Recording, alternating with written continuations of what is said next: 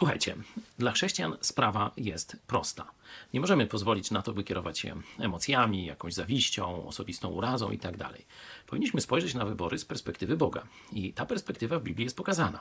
Najważniejsze kryterium, na podstawie którego Bóg ocenia władzę polityczną, pokazane jest w 17 rozdziale dziejów apostolskich, gdzie Paweł przemawia do elity e, greckiej. I tam mówi następujące rzeczy. Do tej pory Bóg znosił bałwochwalstwo, a od tej pory już nie. Czyli rządy, które kleją się z bałwochwalczą religią, są obrzydliwe dla Boga. Te, które odklejają się od bałwochwalczych religii, są bardziej akceptowane. Oczywiście nie ma doskonałych. A drugi ważny warunek to jest stosunek do tych, którzy głoszą Ewangelię, do uczniów Chrystusa. Czy rząd ich zwalcza, czy jest neutralny, czy też jest przyjazny. Oczywiście w Polsce daleko nam do neutralności. W Polsce pisowski rząd zwalcza ewangelicznych chrześcijan. Wybór jest więc prosty.